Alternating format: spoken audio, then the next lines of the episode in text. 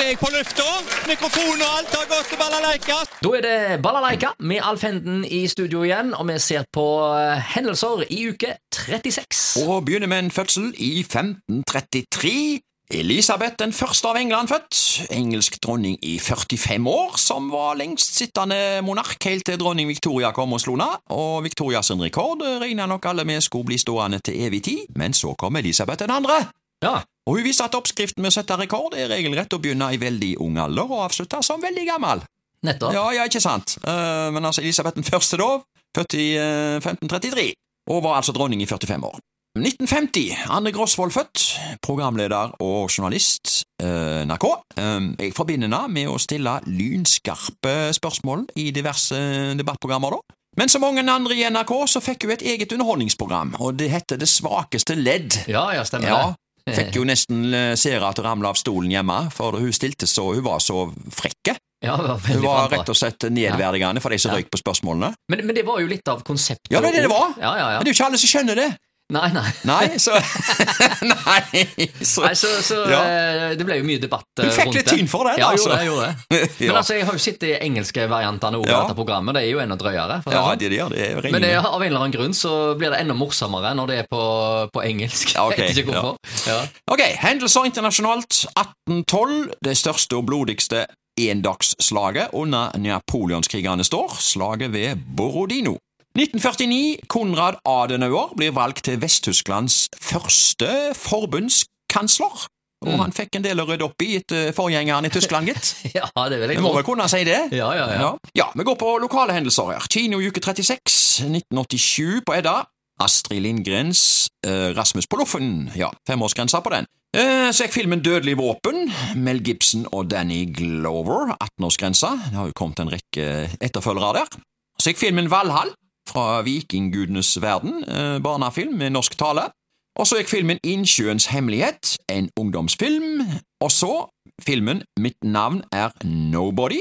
Eh, Terence Hill og Henry Fonda, voksenfilm. Så tar jeg med en til, en fransk film. Død på en regnfull søndag. Ja, Det var altså kinomenyen i 1987. Og så, 1927, radioutstilling.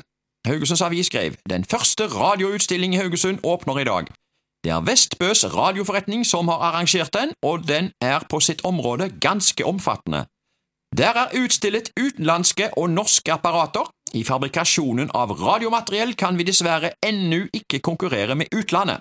Til gjengjeld er det en fornøyelse å konstatere at hva bygging og montering av apparater står vi fullt på høyde med utlandet. Ikke minst kan vi rose oss av at her i Haugesund Vestbøs selvbygde apparater Heim hevder seg med glans i konkurransen. Nå er prisene falt så meget at man kan kjøpe en trelampers Heim-apparat som tidligere kostet 450 kroner, for 225 kroner. Det skulle således være overkommelig for noen enhver å få kringkastingsapparat. Ja, i 1927 da så kunne en altså få kjøpt trelampers Heim-apparat til 225 kroner, og nesten 100 år senere så kan vi få kjøpt DAB-radio til under tusenlappen. Ja, ja, du kan få de helt ned i eh, Ja. 150 kroner eller noe. Ja, men de hadde ikke DAB-radio i 1927, altså. Nei, Nei. det hadde de nok ikke. Da, da var det ikke funnet opp. Nei, Så det ble litt vanskelig. Ja. ja. Eh, det var ikke funnet opp eh, sparkesykler heller, men nå går, det? nå går jeg til en, nå går jeg til en sak i 2000 her. Ganske oh, ja, fersk, ja, da altså. var det sparkesykkel. Ja. Men ikke elsparkesykkel, kanskje? Nei, kanskje ikke. Vi kan se her, Haugesunds Avis. Salget av små sparkesykler har tatt helt av i Haugesund de to siste månedene, og butikkene har problemer med å skaffe nok sykler. Syklene koster fra 800 til 1800 kroner. Dette var altså i år 2000. I dag foregår jo en voldsom debatt om sparkesykler. Eh, De er regelrett en fare for trafikken, særlig fotgjengere da i storbyene.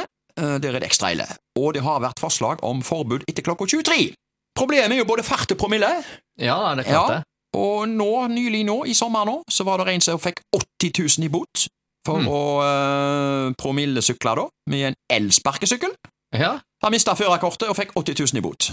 Det er nye regler som kom i juni i år, Ja, ja, 2022.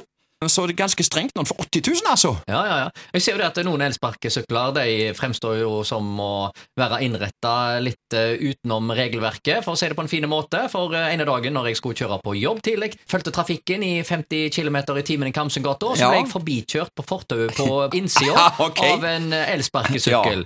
Og han må nå ha kjørt i hvert fall 70 km i timen. Ja, ja, Og det var jo oppoverbakke sånn halvveis, så Ja. det er krefter i sving. ja. Men altså 80 000 da, for å promille sykle eh, med elsparkesykler. Altså, Ja, ja, ja. Sammenligning så har det, får du 10 000 i bot for å snakke i mobiltelefonen når du kjører bil, stemmer ikke det? Eh, Den nei, det er den- ikke så gale. 7450 kroner og oppover. I tillegg kan du få tre prikker i førerkortet. Ok. Det- Eller snakker vi om med eller uten promille her, eller hva? Ja, nei. da er det bare én ting å spørre om. ja. Promillekjøring med elsparkesykkel! Eh, nei, det er not. det- det Det er not.